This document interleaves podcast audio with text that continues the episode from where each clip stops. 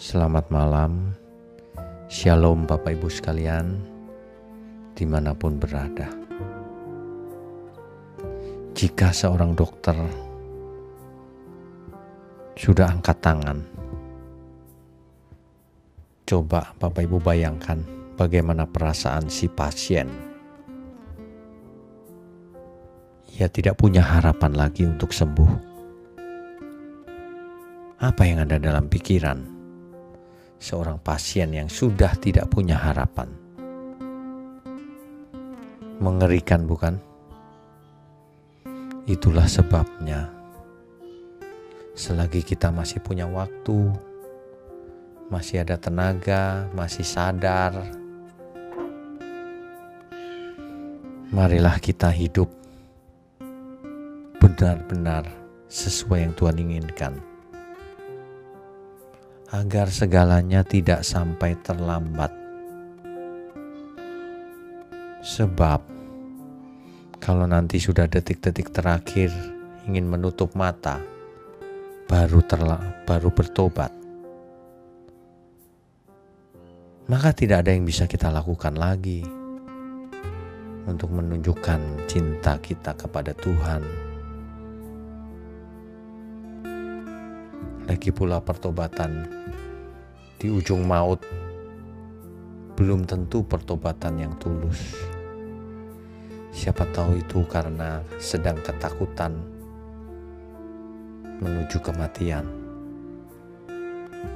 Alkitab berkata, "Ingatlah penciptamu di masa mudamu."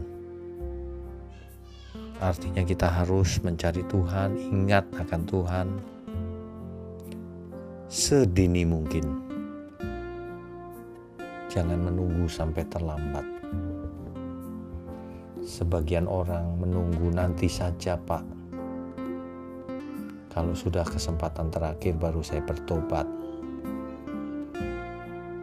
Jika menunggu sampai akhir, maka kita belum sempat membuktikan iman kita kepada Tuhan ini sangat mengecewakan. Tidak ada yang bisa kita persembahkan lagi ketika kita tidak berdaya.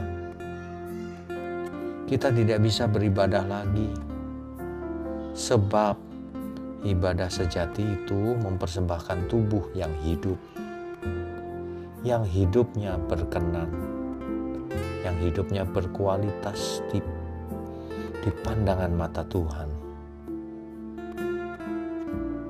Janganlah kita mempersembahkan sisa-sisa umur hidup kita, tapi mari kita persembahkan yang terbaik untuk Tuhan. Banyak orang berusaha mempersembahkan kepada Tuhan hanya berupa uang, padahal yang Tuhan inginkan adalah seluruh hidup kita.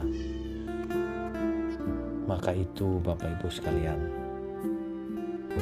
mari kita belajar mulai sekarang juga